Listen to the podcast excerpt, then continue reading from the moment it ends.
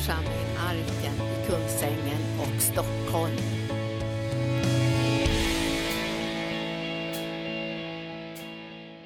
Och det är sån ära för oss Jesus att få sjunga den här sången till dig. Och säga att du får göra ditt verk i oss. Så att ingenting i den här världen kan hindra våra hjärtan att följa dig.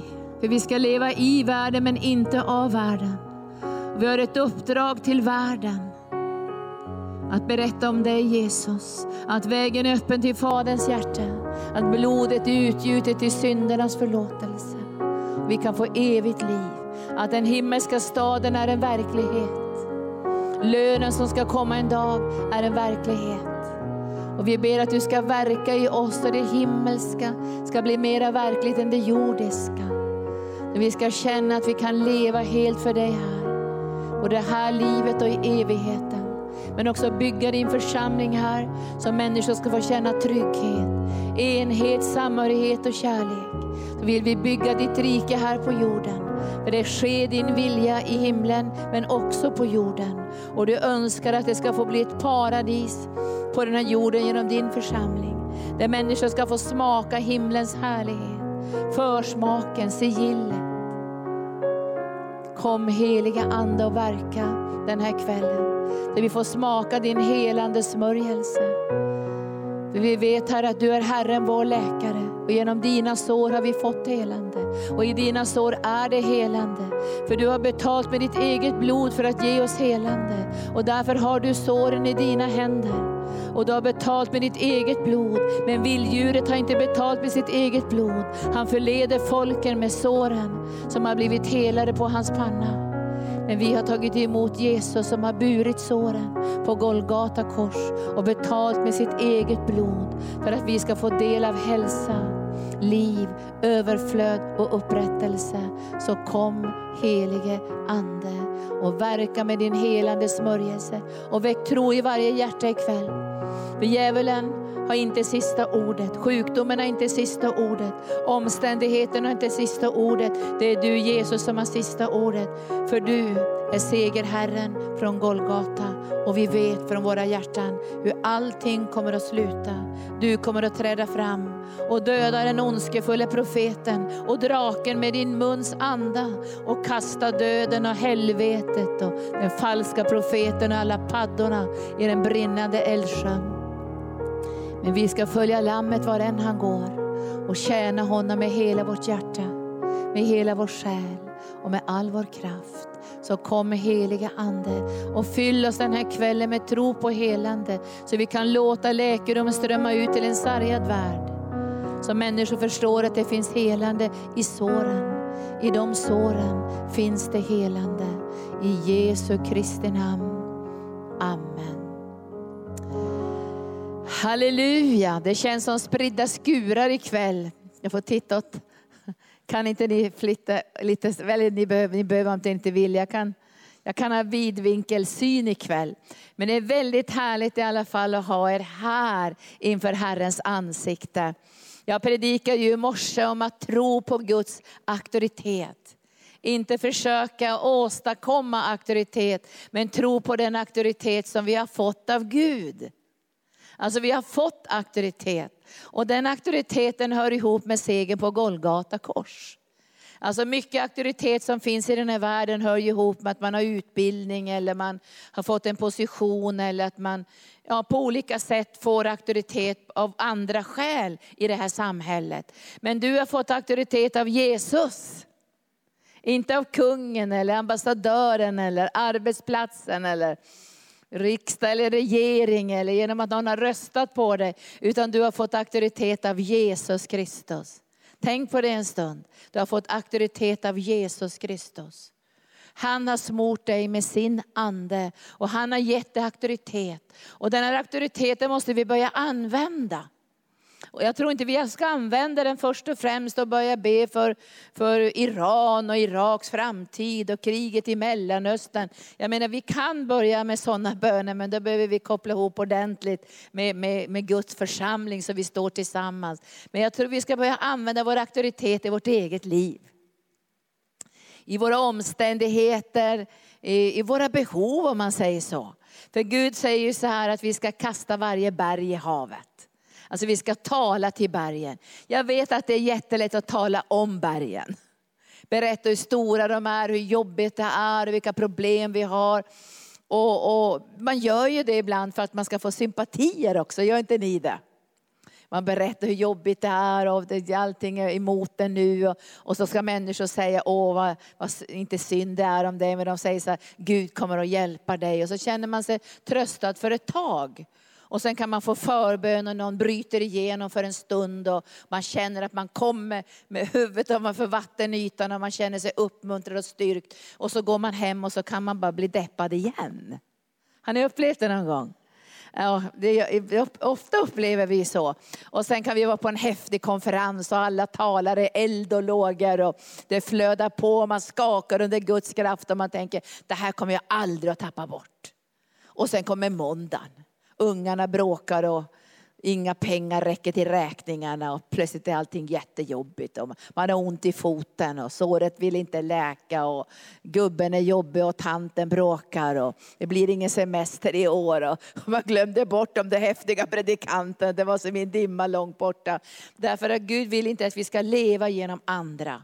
Och jag pratade nu med, med en person idag som de hade lyft upp, det var någon en ganska stark evangelist, jag tror det var i Finland eller något som alla skulle lyfta upp och tycka han var fantastisk och så här. Och jag sa så här, lyft inte upp människor. Lyft inte upp de nyfrälsta. Eh, så exploatera inte dem på det här sättet. För ni måste veta att det är väldiga krafter och makter i rörelse som slår emot människor och attackerar dem på ett fruktansvärt sätt. Ska vi lyfta upp någon ska vi lyfta upp Jesus. Eller hur? Vi ska lyfta upp Jesus. Och sen ska vi ära människor och tacka Gud för att Gud använder människor. Men människor är svaga. Jag ser ju många gånger på kändisar och så här som plötsligt får jättemycket uppmärksamhet och pengar och inflytande. Många bara knarkar ihjäl sig. vi är inte skapade att få den här säga, uppmärksamheten på det här felaktiga sättet. Vi är skapade för att ära Jesus. Vi är skapade för att lyfta upp Jesus. Vi är skapade för att tillbe Herren. Vi är skapade för det. Och det här tycker jag är väldigt viktigt faktiskt, därför att den här auktoriteten som vi har fått ifrån Gud, den måste fungera i vardagen. Och vi behöver liksom praktisera den. Och inte bara tala om bergen, men vi talar till bergen. Och nu ikväll så ska vi ha ett helande möte, så vi måste liksom öva oss och tala till bergen i våra egna liv. Och Graham Powell, han har ju varit här i många år, och han har varit här snart i 30 år. Han kommer varje år hit och har befrielsevecka. Och han har gått igenom väldiga svårigheter. Och han har mycket nöd i sitt liv och bundenhet och plågor på olika sätt. Och så sa bara Gud till honom en dag, för han försökte få hjälp överallt, överallt, överallt. Och det blev bara en kort stund och sen kom det där tillbaka och så blev han plågad igen och så fick han förbön igen och så blev han plågad igen. Och så sa Gud så här en morgon när han var så där deppad och nästan inte ville leva någon längre, så sa Gud, res dig upp i uppståndelsens kraft. Och så sa Gud att han skulle börja bara använda den här kraften och börja bara tala till berget. Och när han började så hände ju ingenting. Men det var som att det skavde ett hål. Det blev ett större och större och större hål och så bröt det igenom. Och så bröt det igenom. Och jag tror det här måste vi göra, vi måste praktisera den här auktoriteten som vi har fått ifrån Gud. Alltså det är inte säkert så att allting förändras på minuten så här, men vi praktiserar det och vi får erfarenhet av, och ja men hjälp, den här förkylningen släppte ju nu. Den var på väg att bryta fram den här förkylningen, men jag tog den i farstun. Den kom inte in. Jag stämde i ån. Tog tag i det här i namnet Jesus och så får vi vår erfarenhet att Gud arbetar genom dig och mig. Vi har fått gudagiven auktoritet. Det är mycket lättare, alltså man, den här passiva kristendomen är lite farlig. Därför då tenderar vi att lyfta upp människor, den ska rädda mig och den ska rädda mig. Men det är Jesus som har räddat dig. Sen är det en väldig nåd att vi kan be för varandra. För ibland är vi för svaga för att be själv, visst är det så? Man måste ha någon som ber för en. Men när någon ber för en och bryter igenom, då är det som en uppmuntran att det här kan du börja göra i ditt eget liv. För Gud har gett dig binde och lösenyckeln. Du har fått binde och lösenyckeln. Alltså det är du som har fått de här nycklarna. Och under flera söndagar har jag talat om de här nycklarna. Låt, låt dem inte ligga i fickan, glöm, glöm dem inte någonstans. Du har fått nycklarna att binda och lösa. Det är för Gud är med dig, för du har fått gudomlig auktoritet. Du, jag kan inte gå och låsa upp kungens eh, Porsche borta vid slottet. Jag har inte nycklarna till den Porschen. Jag lovar er om jag kommer nära hans Porsche. Ibland brukar han parkera precis där jag parkerar. Jag brukar jobba i finska kyrkan så har de sådana parkeringsplatser, kungen och hans son. Men tänk om jag skulle komma nära den bilen, jag tar min egen nyckel till min gamla bil och så försöker jag få upp kungens Porsche. Jag lovar er, hela vaktlaget kommer att rusa. Och det kommer att tjuta kring bilen. Och de frågar, vad gör du här vid kungens bil? Ja men jag har nycklarna säger jag. Vilka nycklar då? Få titta på dem. Det är ju nycklar till din gamla bil. Och hem i din gamla bil. Eller så kommer polisen och hämtar mig. För jag har inte nycklarna. Då får jag bryta mig in. Och du och jag kan inte bryta oss in när det gäller Guds resurser. Vi kan inte bryta oss in. Vi kan inte ta någonting som inte redan han har sagt sitt ja till. Och därför behöver vi uppenbarelse i den heliga ande så vi kan se vad han har gett oss i Jesus Kristus. Alla de löften som han har gett oss. Vi ska titta på några löften ikväll, men alla löften han har gett oss. Många gånger är det här så overkligt för oss. Visst är det så overkligt. Så vi känner oss så lite knäppa när vi i namnet Jesus så binder jag upp den här sjukdomsattacken i namnet Jesus och talar till den här influensaberget, kastar i havet i namnet Jesus, i namnet Jesus och binder jag upp den här svagheten i min kropp. I namnet Jesus så bryter jag ner den här ångesten som knackar på min dörr i namnet Jesus. Och så tycker man först det händer ingenting. Jag ska visa er någonting i anden. Kanske ser det när jag talar ut det här nu. Det händer jättemånga saker.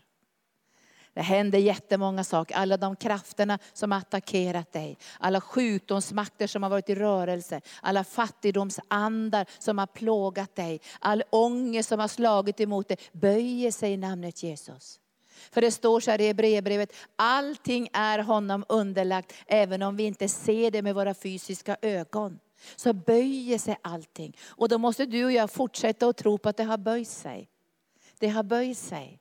Och så måste vi fortsätta att proklamera Jesus seger och så börjar det hända någonting i vår kropp. Det kanske inte gör det första gången, men andra, tredje, fjärde gång så händer det någonting. Därför att det som redan har skett i andevärlden börjar påverka ditt liv. Så är det. Det börjar påverka ditt liv, det som du har proklamerat. Och då vet vi ikväll att det här handlar inte om att du tar någon nyckel som du har hittat någonstans och försöker öppna något som inte är ditt. Utan det här tillhör dig. Binder, nyckeln betyder allt som du binder på jorden är bundet i himlen. Allt som du binder på jorden. Har du bundit något på sista tiden? Jag tror att ni har faktiskt gjort det. Jag tror att ni är bundet ganska mycket på sista tiden.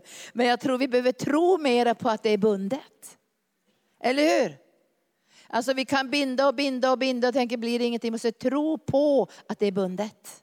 Det som vi binder på jorden är bundet i himlen. Alltså Guds auktoritet står bakom dig genom namnet Jesus. Inte på grund av vad du kan åstadkomma, inte på grund av vem du är, inte på grund av ditt kön, din ålder, ingenting sånt. Allt beroende på Jesus. Det är bara Jesus som det här handlar om. Visst blir det spännande nu? Allt vad du binder på jorden och vi kan binda krafter, makter, de här orena paddorna som stiger upp ur djupet. Alla krafter som vill hindra Guds församling, hindra Guds verk, stjäla våra pengar, bryta ner våra liv, förstöra våra äktenskap, förstöra våra relationer. Allt detta är redan bundet från Guds synvinkel. Men han väntar på att vi ska binda det. Det är redan bundet. Man kan inte tänka ibland, är det bundet? Det ser inte bundet ut. Det är som mörkret härjar omkring här. Men utifrån Guds synvinkel är det bundet. Och han väntar på att du och jag ska ta emot den här delegerade auktoriteten. Så, så att det himmelska kan föras in i den här världen. Han väntar på oss. Han väntar på oss. Och allt som är löst i himlen är också löst på jorden. Men det står inte så i Bibeln, det står det som är löst, det som du löser på jorden, det är löst i himlen. Alltså det som du löser på jorden, det kan himlen lösa. Men Gud väntar på en kanal som tror på hans auktoritet. Och utövar den gudagivna auktoriteten. Och det, vi ska bli som terrier i anden. Och vi ska börja utöva den här auktoriteten. Därför att Gud har gett oss den. Han har smort oss med den heliga ande. Och jag tror att mörkrets makter vill föra oss in i passiviteten. Så vi tänker så här, Gud grip in, snälla Gud grip in. Och många gånger har jag bett sådana böner. Tycker han hör inte de bönerna ens. Och jag minns när jag var ung så var jag på en retreatgård en gång och jag låg på mina knän och jag skulle be den här Jesusbönen. Herre Jesus Kristus, Guds son, förbarma över mig syndare. Och man skulle be den hundra gånger och jag låg på mina knän. Herre Jesus Kristus, Guds son, förbarma över mig syndare. Och jag bad och jag bad. Vad säger du Birgitta, du som är präst? Har du bett den bönen? Och jag låg på mina knän och jag bad och jag bad. Och jag tyckte det var ingen som hörde mig ens. Det var som att bara be till, till en stenmur. Plötsligt hörde jag Guds röst och så sa han så här, Linda den här bönen tycker inte jag om att du ber något mer, sa För det första då tänkte jag att, han att jag trodde att han var lomhörd. För jag tänkte om jag ber många gånger så här, då hör han ju säkert mig. Ja, jag kanske inte tänkte så, det tror jag inte. Utan jag ville bara få liksom kontakt med Gud. Jag tror inte jag var så slipad i mina tankar, jag tänkte inte så. Men jag bad den här bönen gång på gång och så kom till sist och sa Gud, men jag vill inte att du ska be på det här sättet. Varför det, sa jag. Jag hörde Gud tala. Och så hörde jag Gud säga så här, nej jag vill inte att du ska be så här Linda, för jag har redan förbarmat mig över dig. Jag har redan förbarmat mig över dig. Ah, har du, har du gjort det? Jo, det har jag gjort, sa Gud. Jag har förbarmat mig redan över dig. Alltså det blev en helt annan sorts bön från den stunden. För då började jag ta reda på vad han gjort för mig. Det var samma sak en annan gång när jag då jobbade i Svenska kyrkan. Jag fick sådana där liksom flash, flashbacks nu ikväll. Jag stod en gång i sån här högmässa och så, be, och så började prästen be välsignelsebönen. Herren välsigne dig. Och så bad han ut den här överste prästerliga bönen från gamla testamentet. Och så när jag satt där så tänkte jag, med vad då tänkte jag? Du har välsignat mig nu och jag vet inte ens vad jag har tagit emot för någonting. Så jag blev lite förskräckt när jag satt där i kyrkan. Herren välsigne dig. Vände sitt ansikte till det. tänkte, vad är det han ger mig för något i den där välsignelsen? Det var en ganska ung präst den här eh, söndag på den här högmässan. Så jag gick fram och frågade honom så här, vad fick jag när du välsignade mig? Och då sa han så här, jag har faktiskt inte tänkt på det, sa han. Han var ju ärlig. Men det där triggade någonting i mig. Så jag gick hem och tog fram min ordbok och så slog jag upp allt som stod på välsignelse. Och jag kom till femte Moseboken 28. Och vad jag citerade den. Jag är välsignad i staden, jag är välsignad i landet, jag är välsignad när jag går in, jag är välsignad när jag går ut. Mitt bakdrag är välsignat, Himmel, jag har himmelens förrådshus är öppet, det ska bli regn i rätt tid. När fienden kommer emot mig ska han fly på sju vägar. För jag är välsignad och jag proklamerar det. Och jag kommer ihåg, jag hade sån där grupp för alkoholister. Eh, när jag jobbade där i kyrkan, jag brukade samla ihop en massa alkoholister som var utanför kyrkan, kanske 20-30. Det var jättemycket alkoholister och narkomaner. Och jag satte dem där nere på mitt kontor och så predikade jag välsignelser. Så hörde nästan föll av dem. Alltså, du är välsignad. Nu ska du proklamera efter mig, du är välsignad. Och så fick de proklamera, jag är välsignad med all den himmelska världens andliga välsignelser i Jesus Kristus, mitt baktråg. De visste inte vad det var för baktråg, men jag proklamerade ut över de här gubbarna så de skulle ta emot välsignelsen. För de var välsignade. Jag har redan förbarmat mig över dig. Det blev en vandring för mig att börja se, vad har Gud gett mig i Jesus Kristus? Vad har jag fått för någonting? Och ikväll fokuserar vi på auktoriteten som du har fått i Jesus Kristus. Gudagiven auktoritet att binda och lösa. Och vi behöver liksom praktisera den på olika plan. Det kommer en dag när du kanske ska stå och be för det här landet. Då kan man inte stå och veva någonting, någon liten läst bön som man har hittat i någon bok någonstans. Utan då måste du kunna be böner så det händer någonting i andevärlden. Så de här krafterna och makterna som håller på att slå sönder vårt land måste böja sig i namnet Jesus. Då måste du känna till vapenrustningen. Du måste bära på det vapenrustningen. Du måste kunna använda skölden och svärdet. Då kan vi inte stå med blöjbyxorna. Utan då måste vi ha tränat tränat oss att flöda i den här auktoriteten. Och jag tror mörkrets makter vill ska passivisera. Gud grip in, gör någonting. Snälla Gud grip in. många gånger jag bett sånt. Och snälla Gud, snälla Gud, jag har stått i båten där arken, båten har skakat. Och jag har stått där med några andra lärjungar. Snälla Gud grip in, ser du inte hur jobbigt allting är? Grip in. Och kolla nu, jobbigt med det ena och jobbigt med det andra. Och nu skakar båten. Jesus ligger och sover. Man får gå och väcka honom. För han gillar inte sådana situationer. För han har gett oss auktoritet. Så han väntade till det allra, allra sista, när vågorna började komma in över båten. Så han, nu visste ju han det. Men han tänkte vänta in i det allra sista för att de här lärjungarna skulle få en erfarenhet av gudomlig auktoritet. Han ville att de skulle ta den här auktoriteten i den här båten. För han hade sagt någonting till dem som de hade glömt bort det på havet. Eller på Genesarets sjö. Vi ska över på andra sidan. Och det säger han ikväll. Vi ska över på andra sidan. Och när du hör de orden, du ska över på andra sidan, då vet du att du kommer att vinna seger. För segerherren från Golgata har dragit ut och rider på den vita hästen för att segra. Halleluja. Och lärjungarna de skriker och de ropar och de våndas där i båten. Till sist så väcker de Jesus. Och han reser sig upp och så näpsar han bara vindarna och så näpsar han vågorna och de kommer över på andra sidan. Vi tycker det är en fantastisk berättelse men egentligen är det en sorgsen berättelse. För det var inte Jesus som skulle ha gjort det där, det var lärjungarna. Det var de som skulle ha rest sig upp i båten och tagit den här auktoriteten. Och jag känner, den här, jag, jag, jag känner ikväll att den här passiviteten som vi många gånger drabbas av när vi får det jobbigt. Att den ska släppa ikväll. Så att vi på en med aktiv tro kan tala till de här bergen, vindarna, stormarna. Så de får böja sig och stilla sig. Inte därför att du och jag ber bra, utan därför att han har gett oss auktoritet. Vet att han skickar inte ut sina lärjungar hur som helst. Och vi kan bara titta, vi, jag har många bibelställen, vi kan bara titta, jag tänker så här, skicka inte bara ut och så här, stick ut och predika. Gör det bästa av situationen. Utan han, han, han, han gör någonting annat.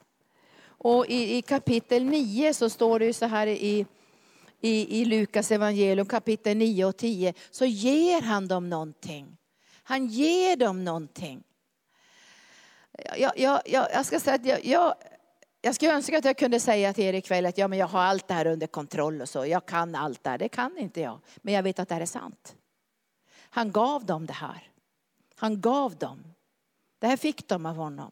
Och jag tror att de här lärjungarna, de glömde inte bort det nästa vecka. Utan i apostlagärningarna ser vi där, där de står, så kommer, sitter den här lame mannen och de är på väg till templet för att tillbe. Så ser de en lam man som tittar på dem för att tigga pengar. Kommer ni ihåg det? Sträcker ut sin hand. Och då, och då tittar lärjungarna på honom och säger, silver och guld det har vi inte, men det vi har, det vi har, det ger vi dig. Det vi har. Och jag tror vad då det ni har, gudomlig auktoritet att lösa och binda. Det var det de hade och därför kunde de med frimodighet säga till den här lame mannen, stig upp! Och talade till honom, tog tag i honom och reste honom upp. Och genast fick han kraft i sina fötter och sina leder och sprang omkring och prisade Gud. Vad var det de hade? De var inte duktiga sådär, åh nu har vi starka eh, muskler här och vi har väldigt duktiga kristna här. De hade fått någonting från Gud som de hade praktiserat varje dag och värderat. Jag vet ju själv när det blir sådana krig mot mig eller mot arken eller mot våra projekt över världen eller mot församlingsmedlemmarna. Så känner man att i de här kriserna så finns det sömnmedel. Kommer ni ihåg när Jesus går in i Getsemane och ska bedja och in i sin värsta, värsta kamp någonsin. Vad händer med lärjungarna? De somnar. Därför att det här är någonting som djävulen vet, alltså det här mänskliga förståndet och den mänskliga bristen och svagheten i det naturliga, så får han oss att somna.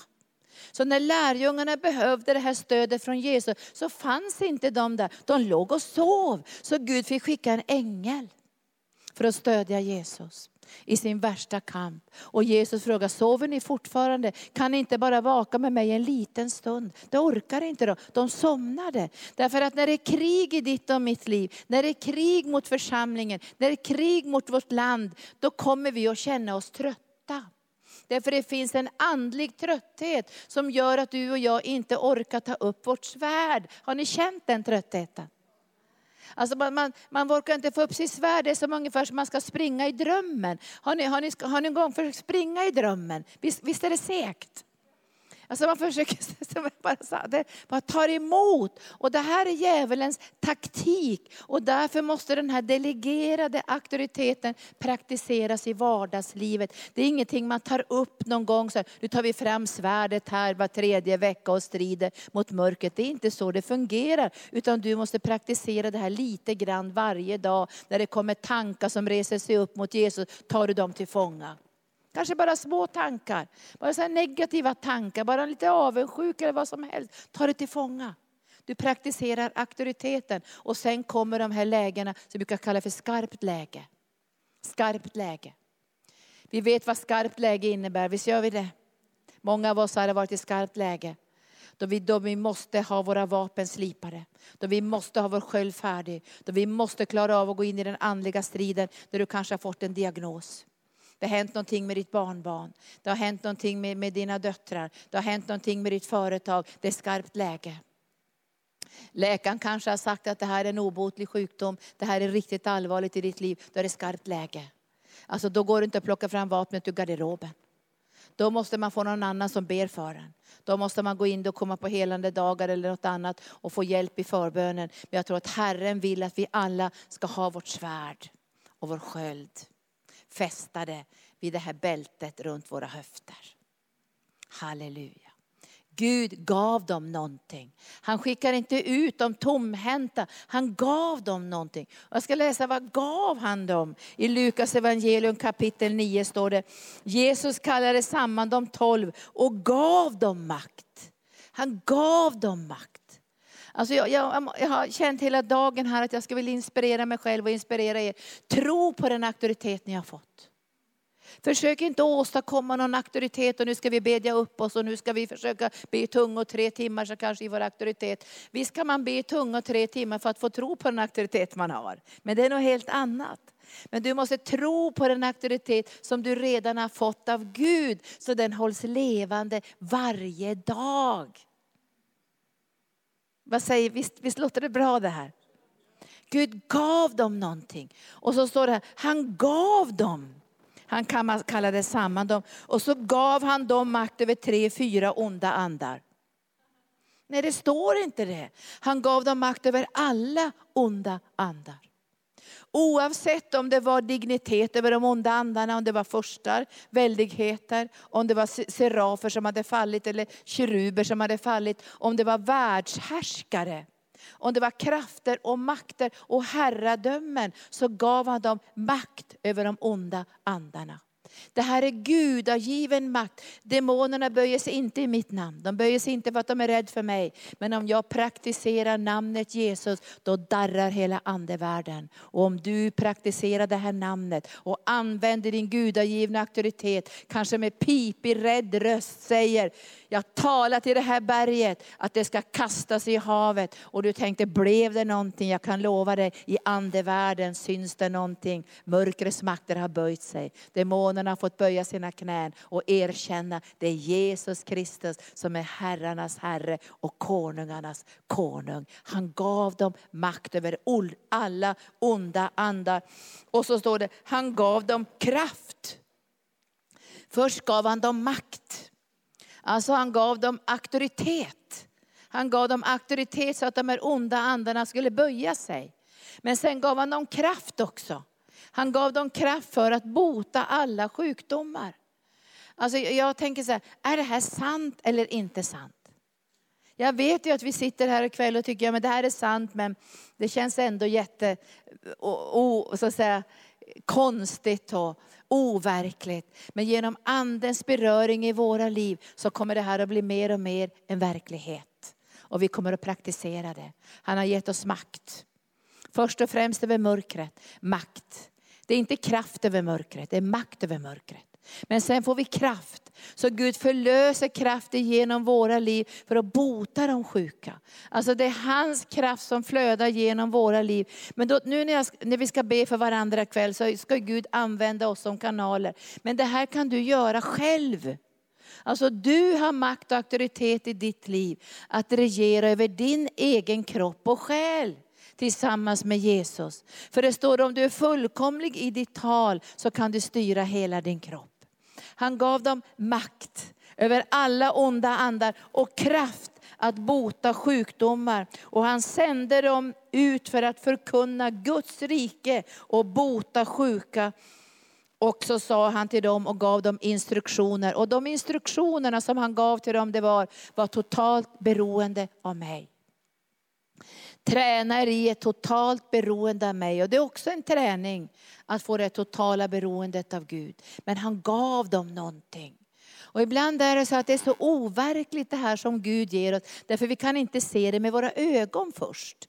Alltså det är ingenting som vi kan ta i, det är liksom inte fysiska pengar eller så här, utan det är mer på ett andligt plan. Och då måste vi koppla det med segern på Golgata, för jag kan inte koppla det med mig själv, jag måste koppla det med Jesus. Och tänk att den här makten som han har delegerat, den hör ihop med den seger som han har vunnit på Golgata kors. Men jag måste utöva den här makten gång på gång på gång på gång och få erfarenhet av den. Kanske jag inte får erfarenhet de första veckorna eller ens de första åren, men jag kommer att få erfarenhet av det. När jag intervjuar sådana här predikanter som har varit i stora crusader och kampanjer och bett för tusentals människor och man frågar, när fick du se ditt första under? Och då säger de många gånger, vi fick fortsätta och fortsätta och fortsätta tills det bröt igenom. Det var inte första gången, utan jag fick be många gånger och sen bröt det igenom. Men det hade redan brutit igenom första gången vi ber. Kommer ni ihåg det här med Daniel? Och Herren säger till Daniel, eller ängeln säger till Daniel, första gången du bad fick du bönesvar. Du fick bönesvar första gången du bad. Det är klart vi får bönesvar första gången vi ber. Men sen kan det vara motstånd och mörker som hindrar det här att komma oss till del. Och ängeln säger att försten av, försten av eh, Persien, visst var det det, försten av Persien. Han har stått dig emot, så jag fick, han fick skicka dit en annan ängel för att strida, för att bönesvaret skulle komma igenom och komma Daniel till del. Och nu det här gamla testamentet. Men jag tror att ingenting kan hindra bönesvaret till dig och mig, därför att han som har gett löftet är trofast. Han som har gett löftet har segrat på Golgata kors för 2000 år sedan. Och Jesus ger dem den här auktoriteten. Han ger det till sina lärjungar. Och sen går de ut och predikar. Och i tionde kapitlet i Lukas evangelium så är det 70 lärjungar. Alltså man skulle kunna säga det är de andra också. Det är inte bara de tolv som får det här, utan det är alla lärjungar. Och till sist så säger Jesus till oss så här, gå ut i hela världen och förkunna evangelium.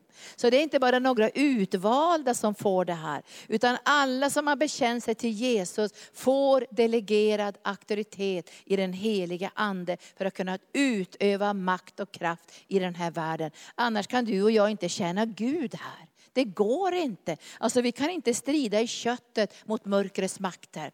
Vi kan inte börja komma in i en kötslig maktkamp med myndigheter och tidningar och människor. Utan vi har en andlig strid som vi ska strida. Och det står att de vapen vi har är mäktiga inför Gud. De är mäktiga inför Gud. Så de kan bryta ner tankebyggnader och höga bålverk.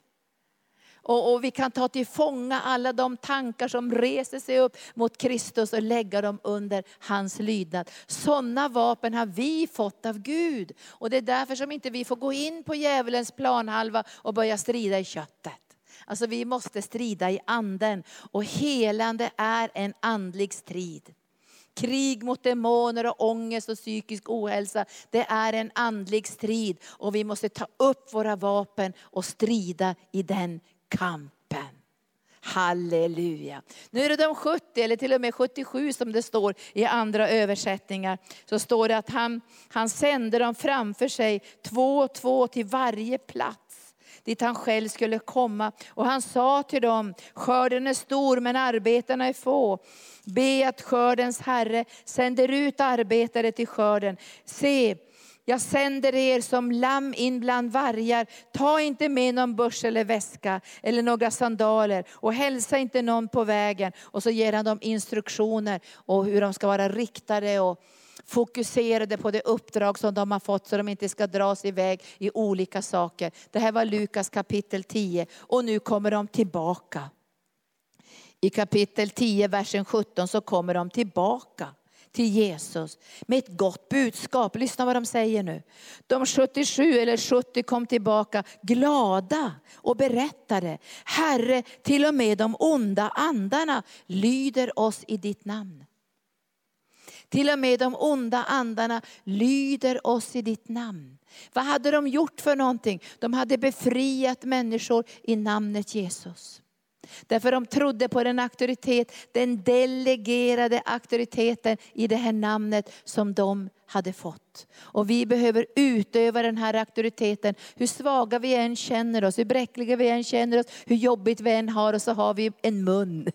Annars kan vi få hjälp av en annan mun och koppla ihop med någon i överenskommelsebön. Så vi kan bryta, så vi kan binda, så vi kan lösa utifrån den auktoritet som vi fått av Gud. För vi är redan välsignade och vi har redan fått barmhärtighet i Jesus Kristus. På grund av hans stora, otroligt nåderika verk på Golgata kors.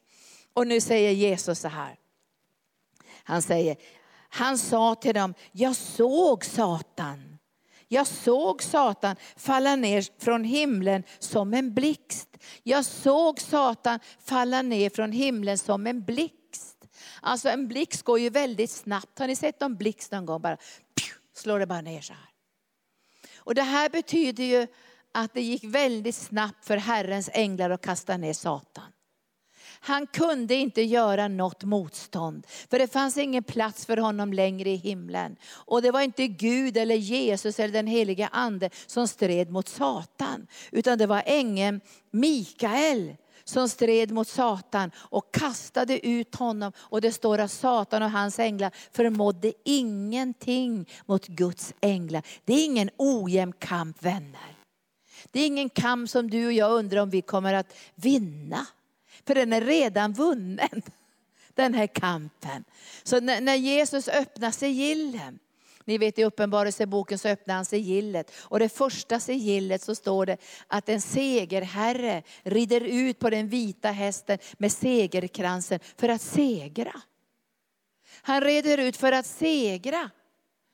Alltså det är redan färdigt där, han har kransen färdig och allting. Han har bara farit ut för att segra, allting är klart. Och sen öppnar han nästa sigill och då kommer den blodröda hästen och all fred tas bort från jorden. Sen kommer den svarta hästen och det står att då kommer det vara eh, fruktansvärd nöd och sjukdomar. Och den, den här eh, bleka hästen som är, som är nöd och fattigdom, ni kan läsa det själva. Alltså då öppnar han sigillen och då får vi se konsekvenserna konsekvenserna av synden, konsekvenserna av syndafallet, vad som kommer att hända i den här världen. Men vi vet ju allt kommer att sluta. Segerfursten från Golgata, lammet som har segrat. Han kommer att döda den här ondskefulla profeten, ondskefulla draken med sin, mun, med sin muns anda. För han har redan vunnit seger. Och Jesus säger till lärjungarna, jag var med när Satan föll.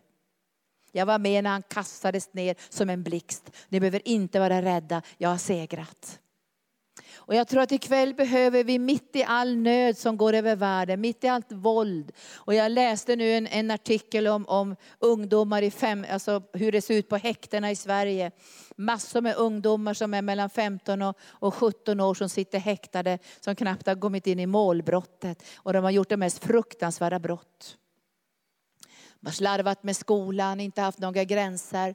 Kommit kanske från länder där det var mycket krig och våld. Och nu sitter de där i häktet. De har knappt kommit i målbrottet, knappt fått skägg. Och de har våldtagit barn och de har mördat och skjutit och de har härjat. Och de är bara i tonåren. Vad tror ni det beror på? Tror ni att det beror på onda andar? Det tror jag. Jag tror på krafter och makter besätter och plågar människor på ett sätt nu så vi står bara och undrar vad är det för någonting? Vad är det som händer? Vad är det som händer med ungdomarna som går och mördar oskyldiga människor? Skjuter någon vaktmästare i ryggen, 15 år. Vad är det som händer? Alltså vi måste förstå att det finns en osynlig andevärld av demoner och mörker och krafter och makter och herrar och herradömen. Och det är Guds församling som har fått auktoriteten. Det är inte myndigheten och polisen och rättsväsendet i första hand. Därför de kommer inte att klara av det här. Därför det här är en andlig kamp. Om vi så skulle få 10 000 poliser så räcker inte det. Därför att det här är en andlig kamp. Och det måste tas på ett andligt plan. Och därför säger Jesus, ni måste förstå att Satan har fallit. Han föll som en blixt. Han föll som en blixt. Men jag, säger han, lyssna vad vi har fått för någonting. Ibland tror jag att det här måste vara sagor, men jag tror att det här är sant. Han säger i 19 versen, se, se, se, jag har gett er makt. Nu kommer makt. Jag har gett er makt, det betyder auktoritet, given auktoritet. En polis kan stoppas här, han blir stoppad av en polis någon gång. Jag körde mot enkelriktat en gång i Stockholm av misstag. Och polisen tog mig, men jag fick inga böter. Jag sa, jag var för förvirrad, kan ni hjälpa mig att backa? Då satte de sig i bilen och hjälpte mig att backa. Han var godhjärtade. Men, men jag var tvungen att stanna. Och det handlar inte om att det var en jättestor kraftig polis. Eller att han hade en k-pist i handen. Utan det var en lite mager polis med glasögon som såg ganska snäll ut. Men han stoppade mig. Och du kör mot enkelriktat. Ja, det var kommit in några meter där. Åh, kan du vara snäll och hjälpa mig att vända bilen? Det gjorde han, jag fick inga böter. Men han stoppade mig. Därför han hade makt. Han hade fått delegerad auktoritet av, av svenska staten utifrån sin utbildning. Så han kunde stoppa mig. Han kunde till och med ge mig böter om han ville. Därför att han hade auktoritet. Och han, han trodde på sin makt. Han kom inte att titta in och så knacka på bilrutan. Och du, du, har, du, var försiktig nu, har du kört verkligen mot enkelriktat här? Och, och var snäll nu nästa vecka. Jag ska försöka. Så att han skulle med sig på, nej han hade auktoritet. Veva ner rutan. Vet du om att du kör mot enkelriktat? Ja! Det var jag som fick, fick se snäll ut, inte han. Ja, varför kör du mot enkelriktat? Ja, jag, jag körde lite fel här och kan du hjälpa mig att vända bilen? Ja, det kan jag göra. Han hade fått makt. Stoppa bara så här. Kan ställa sig mitt i gatan och stoppa. Och du måste stoppa. Du måste stoppa när de säger stopp till dig. Därför att de har fått delegerad makt och auktoritet i det naturliga och du har fått auktoritet i det övernaturliga, Guds församling. Och jag har känt att vi måste börja, jag har gått och tänkt mycket på det här hur vi ska kunna utöva det här. Och jag har känt att vi ska sätta upp stora bönegrupper och vi ska be för de här världshändelserna och vi ska strida i anden. Men då sa Gud till mig, nej mitt folk måste börja strida hemma först måste ta auktoritet över sjukdomar och omständigheter, auktoritet över saker i församlingen, auktoritet över grejer på arbetsplatsen. Börja utöva den här auktoriteten på daglig basis och sätta tro till den. Jag har auktoritet. För det löser sig inte på en gång. Men måste tro på den här auktoriteten och fortsätta att utöva den. Om du har en jobbig granne till exempel som är jättearg på dig, så här, då utövar du auktoritet så du välsignar din granne och binder upp de här krafterna som gör att han är så irriterad på dig och böjer dem i namnet Jesus och så ber du om favör och öppna dörrar. Därför att det är många gånger krafter och makter som verkar i människor för att du är frälst. Bara för att du är frälst så händer det saker runt omkring dig. Så det, det kanske inte alls handlar om att grannen egentligen är arg på dig. Det kan bara vara så att de här makterna och krafterna vill hindra den här grannen att bli frälst. Och därför låser han sig när han möter dig. Men så, nu ska jag läsa vidare så här, vad Jesus säger. Se, jag har gett er makt. Då är det makt. Att trampa på ormar och skorpioner och över hela över fiendens hela välde. Alltså det här är ord som man knappt kan ta emot för det ligger på en sån, sån nivå. Han säger, se jag har gett er makt att trampa på ormar och skorpioner över fiendens hela välde Ingenting ska någonsin skada er, men gläd er inte över att andarna lyder er, utan gläd er över att era namn är skrivna i himlen. Och Det här är väldigt viktigt att han säger det, för våra namn är skrivna i himlen. Och det är bara de som har sina namn skrivna i himlen som kan utöva den här auktoriteten. Och därför måste du påminna dig varje dag, mitt namn är skrivet i himlen. Jag tillhör Jesus, jag är frälst, jag är ihopkopplad med Jesus. Därför har jag den här auktoriteten. För börjar du och jag fokusera bara på mörkret, på omständigheterna, då kan vi bli helt deppade. Jag möter folk som säger så här, men vi har inte blivit helade än och det är så jobbigt allting och pengarna har inte flutit in och, och vad jobbigt det är och kan vi lita på Gud verkligen uppfylla sina löften? Då har man fokus på fel ställe. Vi ska ha fokus på himlen. Mitt namn är skrivet i himlen. Och så ser jag att mitt namn är skrivet med guldskrift och hela himlen står bakom mig. Och därför tänker vi inte ge upp i den andliga striden. Vi fortsätter att kämpa trons goda kamp. Det bryter igenom för det är redan färdigt. Det är redan färdigt. Men Gud väntar på att att vi ska kämpa trons goda kamp så att det här som är lagt i det osynliga under Jesu fötter ska läggas också under det synliga i den här världen under Jesu fötter. Från det osynliga till det synliga. Från det osynliga till det synliga med hjälpen från den helige Ande och binde och löser nyckeln. Tack Jesus. Jag ska läsa också ifrån jag har några bibelställen till så ska vi gå in i bönen. Men jag ska läsa från eh, Hebreerbrevet. Där, där det står i första, i första kapitlet.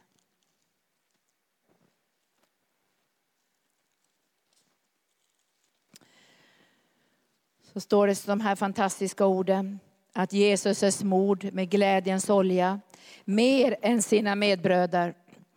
Och när jag la mig och vilade en liten stund i eftermiddag så påminde Gud mig om versen 9 i Hebreerbrevet kapitel 1.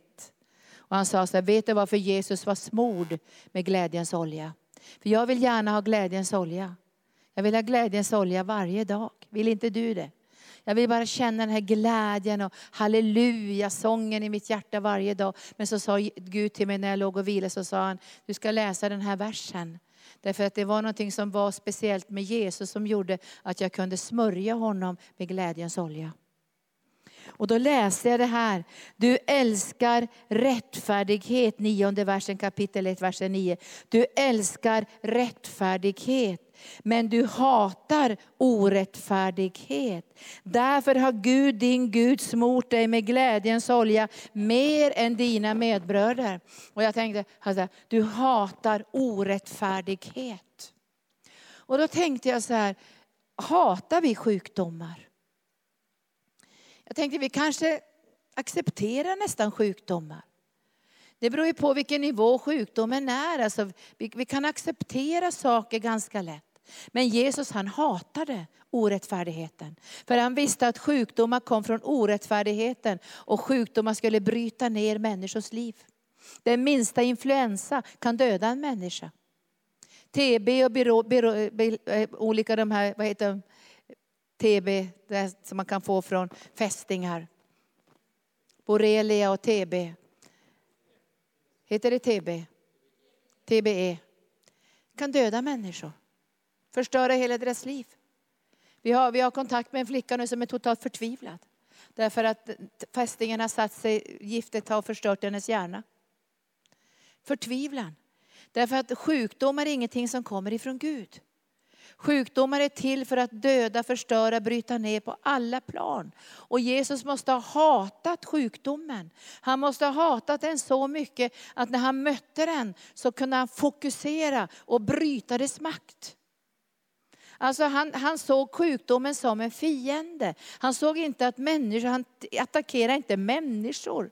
Han älskar ju syndarna, men han hatade synden. Han hatade synden och orättfärdigheten. Det var den som han hatade. Och jag tror att du och jag behöver förklara krig mot sjukdomar. Med andliga vapen. Vad säger ni om det? Jag tror vi behöver göra det. Vi behöver på något sätt komma till en punkt där vi säger så här, vi förklarar krig mot sjukdomar. Och vi måste börja med det i, i, i vårt land idag, även om vi har jättebra sjukvård. För jag kan min uppenbarelsebok. Och jag vet om att det kommer att komma de mest fasansfulla sjukdomar. Det kommer att komma sådana hemska sjukdomar som människor kommer att gnissla tänder och bita sönder sina tungor. Det kommer att bli sådana fasansfulla farsoter som kommer att komma över den här världen. Men så står det här att det drabbar inte de som har sigillet. Lamm, de som följer lammet. Och jag tror att det händer någonting i våra liv just nu. Att vi kommer att, att få förklara krig mot detta mörker. För vilken sjukvård som än kommer att introduceras i våra länder kommer inte att hjälpa. Hur mycket vacciner vi än får, hur mycket hjälp vi än får, hur mycket akutsjukvård vi än får, så kommer det inte att hjälpa. Därför djävulen kommer att göra allt för att nermontera vår sjukvård. Och därför måste vi börja använda de andliga vapnen mot sjukdomarna. Vad säger ni om det? Ja, jag tycker det är jättebra med sjukvård, vi kan få hjälp av sjukvården, men vi måste använda de andliga vapnen.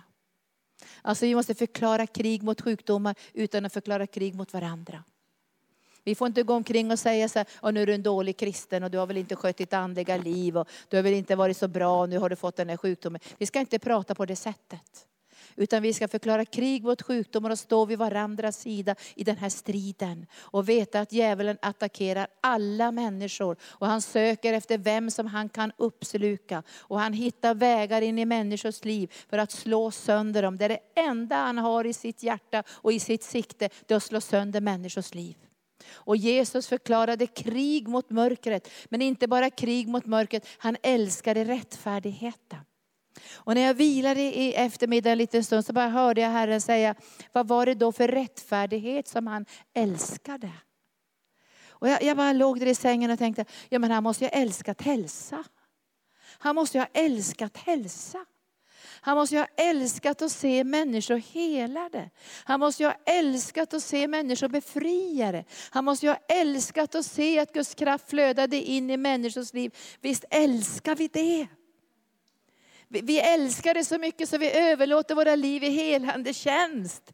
Även om vi inte ser alla helade, så älskar vi det så mycket därför att vi tycker om att se människor helade. Men vi hatar sjukdomar och psykisk ohälsa och stressproblem och ångest och cancer och allt det Det hatar vi med det starkaste hat. Men vi älskar rättfärdigheten, vi älskar seger, tonerna från Golgata. Och då säger Bibeln, då han smort med glädjens olja.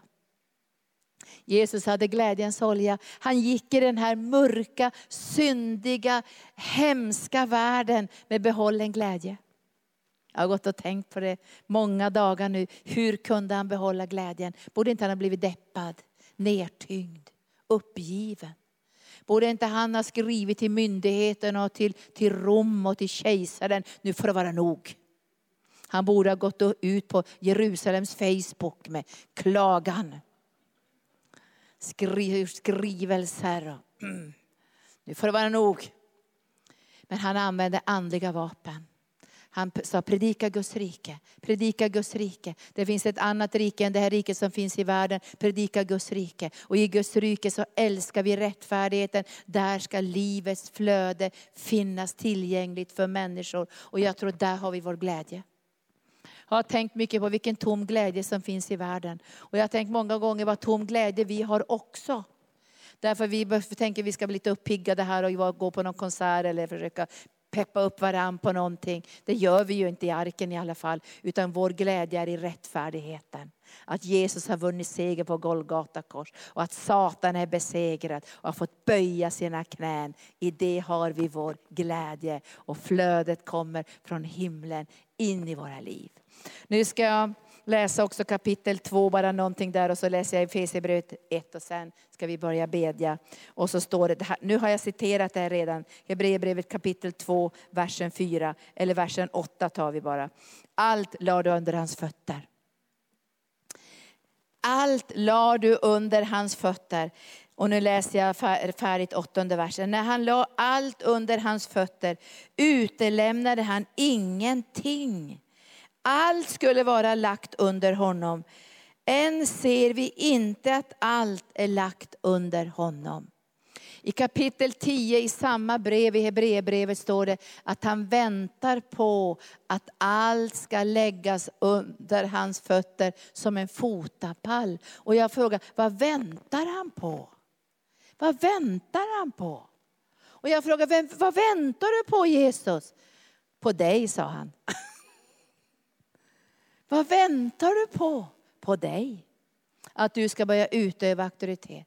Jag är så svag, det kanske inte funkar. Tänk om folk blir arga, tänk om de inte blir helade, tänk om det inte sker någonting. Gör det ändå. Utöva auktoriteten. Allt är lagt under hans fötter. Och han väntar, står det i Hebreerbrevet kapitel 10, på att allt ska läggas under hans fötter som en fotapall. Vad väntar han på? Han väntar på att du och jag ska resa oss upp ur passiviteten. Och vi ska ta det här svärdet och säga, och även om vi bara skulle pipa lite grann och säga, nu binder jag upp den här verken i fötterna i Jesu namn. Jag binder upp den här verken i fötterna i Jesu namn. Och vi tänker, händer det någonting? Har ni känt så någon gång? Man blir bara tvivlande, händer det någonting? Och jag kan tänka mig att de här spetälska som gick mot fiendens läger, inte tänkte de att hela himlen hade tagit på högtalaranläggningen. De hade ju ont i fötterna. Men de gick mot fiendens läger och Gud satte på en högtalaranläggning så fienden trodde att det hade kommit en jättehär emot dem. Men det var Guds här. Genom de spetälskas liv. Vilken uppmuntran. Och nu tar vi sista bibelstället för annars blir det för många bibelställen. Jag läser ifrån Efesierbrevet som jag läste i morse. Tycker det är så fantastiska ord. Och jag ber att hela församlingen alla ni och jag och vi alla andra ska tro på den gudomliga auktoriteten. För vi är alldeles för snabba att böja oss. Vi är snabba att böja oss för omständigheterna, sjukdomarna, all, alla attacker som kommer emot oss. Och vi är också ganska snabba att böja oss för ogudaktiga lagar och, och alla möjliga saker som finns i samhället. Så vi bara kan bedöma, att det här är inte bra. Vi bara kan bedöma, att det här är inte bra. Det här är inte gudfruktigt, det här, det, här, det här är inte enligt med Guds bud eller Guds tankar. Det här är lagar som man stiftar som går emot Guds ord. Vad gör vi då? Använder vår auktoritet och bryter ner det här i namnet Jesus och sätter tro till att vi som Guds församling har fått en sån auktoritet från himlen att inte ens dödsrikets portar kan förmå att stänga till för dig och mig. Det här, det här måste sjunka ner i våra hjärtan känner jag. Det måste sjunka ner så vi inte det här bara blir overkligt och overksamt. Utan vi börjar praktisera det hemma. Vi binder upp det här nu, den här fattigdomsanden. Vi bara löser din ekonomi i våra liv. Vi binder upp de här krafterna som vill skapa konflikter i våra liv och, och förstöra. Vi binder upp det, så löser vi en Guds smörjelse. Vi binder upp den här svagheten i kroppen, den här bristen på vad det nu kan vara, vitaminer eller vad det kan vara. Vi binder upp det här och vi ber Gud ska komma med lösningar. Vi binder upp den här verken i fötterna, verket i hjärtat, verken i njurarna. Vi binder upp det här i namnet Jesus. Vi binder upp den här otäcka tröttheten tröttheten som plågar oss. Vi binder upp den här depressionen. Vi löser ut smörjelse och glädje utifrån Guds löften. Därför Gud har talat. Gud har gett löftena. Och han har lovat att ge oss vingar som örnen, han har lovat att ge oss förnyad kraft. Han har lovat att vi ska färdas framåt utan att bli trötta. Han har gett sådana fantastiska löften i sitt ord. Och vi kan inte lösa saker utan Guds löften. Men vi kan lösa med Guds löften. Och det kommer att hända någonting i den osynliga världen. Halleluja! Vi ska tro på det. Se, säger Jesus. Och då, då läser jag det här igen ifrån eh, det är samma texter, han får ju säga om sakerna hundra gånger bara för att vi ska tro på det. Men i Efesierbrevet 1 så säger han i versen 19, hur stor, och nu säger han inte stor för nu läste jag fel, det står oerhört stor. Alltså det är nästan som överdrifter. Oerhört stor hans makt är i oss som tror. Därför att det är hans väldiga kraft som är verksam. Det är hans väldiga kraft som är verksam i dig som tror på hans fullkomliga seger. Och sen säger han så här, det, det var samma kraft, bara för att du ska veta vilken dignitet på som det är på den här kraften, så säger Jesus så här genom Paulus i kapitel 1, versen 20. Det var den här kraften, säger han, som han lät verka i Kristus, där han uppväckte honom från de döda. Alltså den här kraften som verkar i Jesus. Jag har inte sett döda som har varit döda länge få liv igen. Jag har sett döda som har varit kanske död bara en kort stund. Men Kristoffer Alam träffade jag förra helgen. Och han berättade hur det hade brutit igenom i Burma. Alltså han hade predikat i Burma, han hade haft ett sånt där möte där han hade varit frimodig och proklamerat saker. Och så var det en man som hade droppflaskor som de bar in på bår, som såg ut som ett skelett. Och så verkar det som att de tappade honom från båren så han föll till marken. Och det fanns läkare och sjuksköterskor där som gjorde sån här hjärt och lungräddning och försökte på alla sätt. Och, och sen sa de så här, nej men han är död. Så han låg ganska nära Kristoffer död. Och Kristoffer bara kände, Gud vad ska jag göra? Och då berättade han så här, nu, nu kan ni lyssna på på kanal 10, det här är inspelat där, så, så, så sa han ungefär så här. Han började skrika i tungor, sjunga i tungor, skrika i tungor, bedja i tungor. Och han ropade till himlens Gud att den kraften skulle verka som väckte upp Jesus från de döda. Och han ropade till Gud och folk bara tittade på honom, och bara ropade till Gud. Gud du måste väcka upp den här mannen, du måste väcka upp den här mannen. Och han stod, vet inte hur länge han stod, bara ropade och talade i tungor. Plötsligt såg han någon som stod bredvid honom med upplyfta händer. Det var den döde. Som hade fått liv igen. Och han berättar att från den här kvällen så bröt väckelse ut i Burma. Mitt i förföljelsen, mitt i mörkret så bröt väckelse ut han var inte död någon längre, han fick väl en stor chock. Vem står vid min sida? Här är den döda som står där med lyfta händer. Och sen fick han höra sen den mannen vad som hade hänt i hans liv och Gud hade använt honom sen på ett underbart sätt.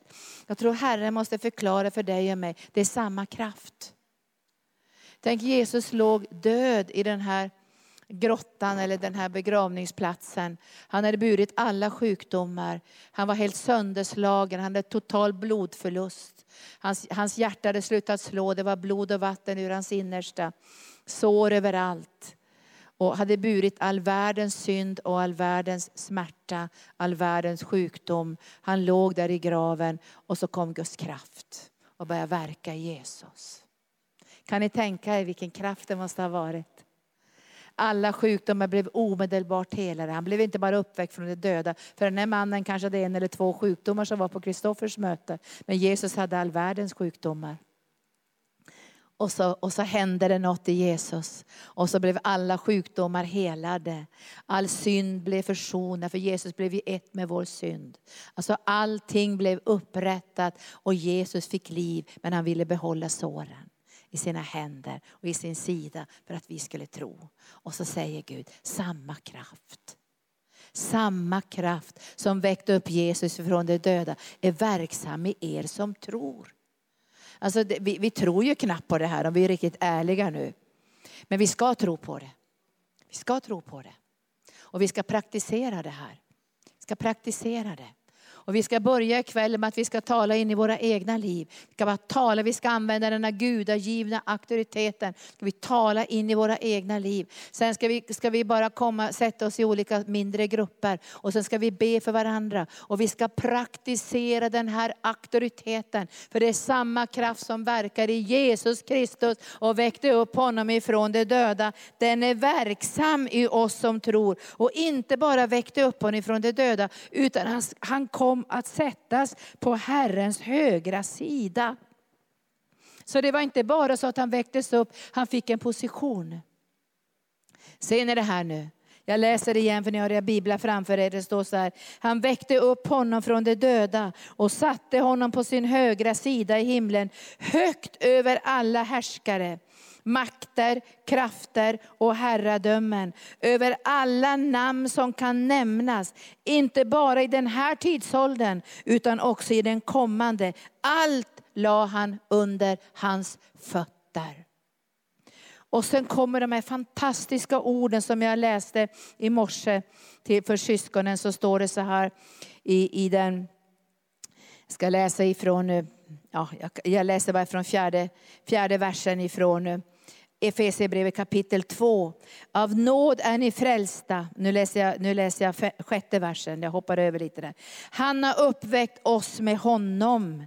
Han har uppväckt oss med honom. Det är därför vi begravs i dopet, för att uppväckas i honom. Inte i oss själva, inte i vår egen förmåga, inte i vår egen kunskap. I honom är vi uppväckta för att sakta men säkert träna oss i att flöda i delegerad auktoritet. Var han satt oss någonstans? Han har uppväckt oss med honom och satt oss med honom i den himmelska världen i Kristus Jesus för att i kommande tider visa sin överväldigande rika nåd genom godhet mot oss i Kristus Jesus. Av nåd är ni frälsta. Och går vi tillbaka till Efesierbrevet kapitel 1 så står det, vi är välsignade i Kristus Jesus med all den himmelska världens andliga välsignelser. Och jag tackar dig nu Herre för dessa fantastiska ord. Det är du som har talat till oss den här kvällen. Att börja tro på att vi har makt. Att trampa på ormar och skorpioner och fördriva fiendens härskara. Men du har också gett oss delegerad auktoritet i ditt namn. Kraft i ditt namn. Att tala till bojor och band, att bryta felaktiga bindningar, att ta tankebyggnader till fånga, att tala till sjukdomsmakter att de måste böja sig. Det här är ingenting som jag har hittat på Jesus, det är ingenting som jag har tänkt ut hemma. Jag vet att det här är ditt eget ord Jesus. Och vi vill, vi vill få tag på ditt ord Jesus. Vi vill få tag på de här sanningarna som gör oss starka, inte i vår egen kraft utan i din kraft. Därför vi är uppväckta tillsammans tillsammans med dig.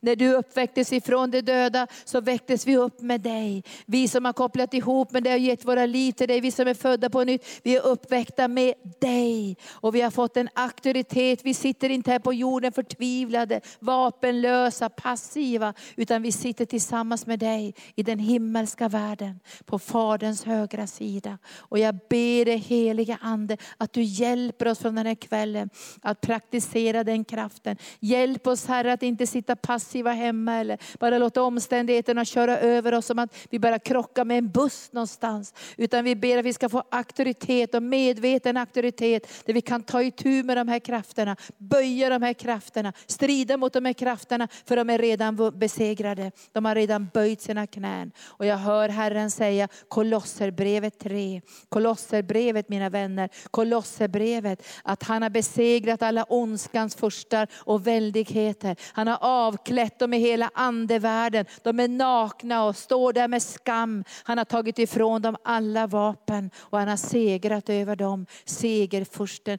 på Golgata som rider ut på den vita hästen för att segra. Han som har segerkransen i sin hand. Det är honom som vi tillhör. Vi är på segersidan. Vi har fått det himmelska sigillet på vår panna, vårt hjärta, våra händer och våra fötter. Och mörkrets makter kan inte skada oss för vi är uppståndna med Jesus. Vi har dött ifrån vårt gamla liv och det liv vi lever nu lever vi tillsammans med Jesus. Därför han har dött och uppstått från oss, för oss och vi lever inte längre vårt eget liv. Vi lever med honom som har dött och uppstått för oss. Och jag tackar dig Herre för att vi blir mer och mer medvetna om den delegerade auktoriteten som du har gett i Jesu namn. Jag tänker så här att vi, vi vi kanske kan ta en lovsång till och så låter vi det här bara sjunka ner. Men sen tänkte jag att vi skulle tala in i våra egna liv.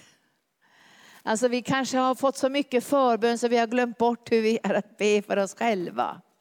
Alltså vi ska ta auktoritet. Är det trötthet, är det uppgivenhet, är det psykisk ohälsa, är det verk någonstans i kroppen eller någonting. Jag kan inte garantera att det går bort helt och hållet ikväll.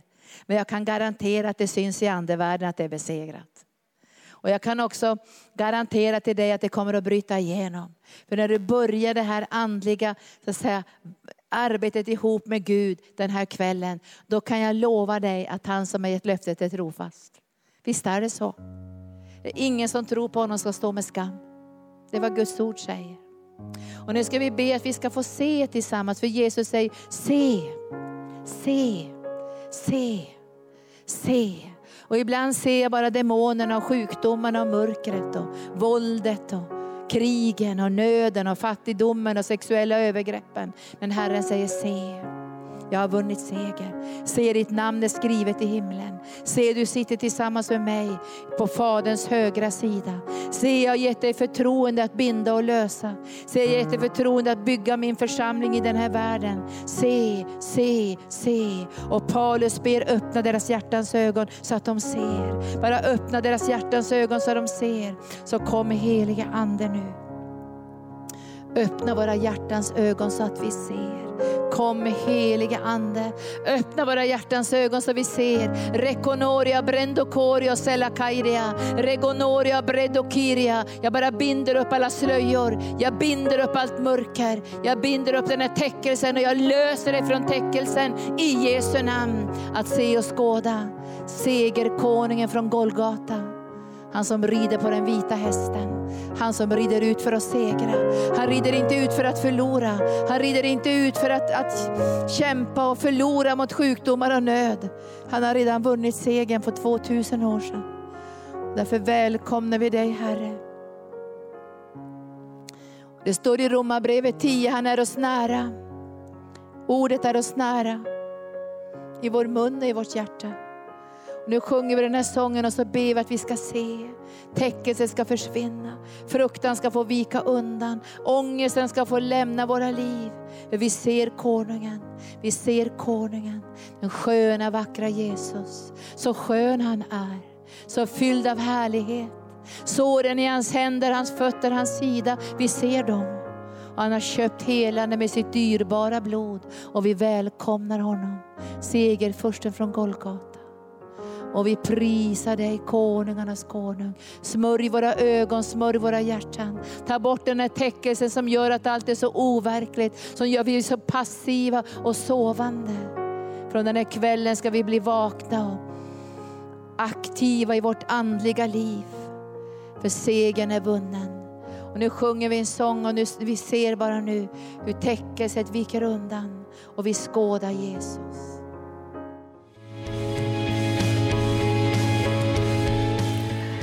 För att du har lyssnat. Vill du få del av mer information om församlingen Arken, vår helande tjänst, bibelskola och övriga arbete, gå in på www.arken.org.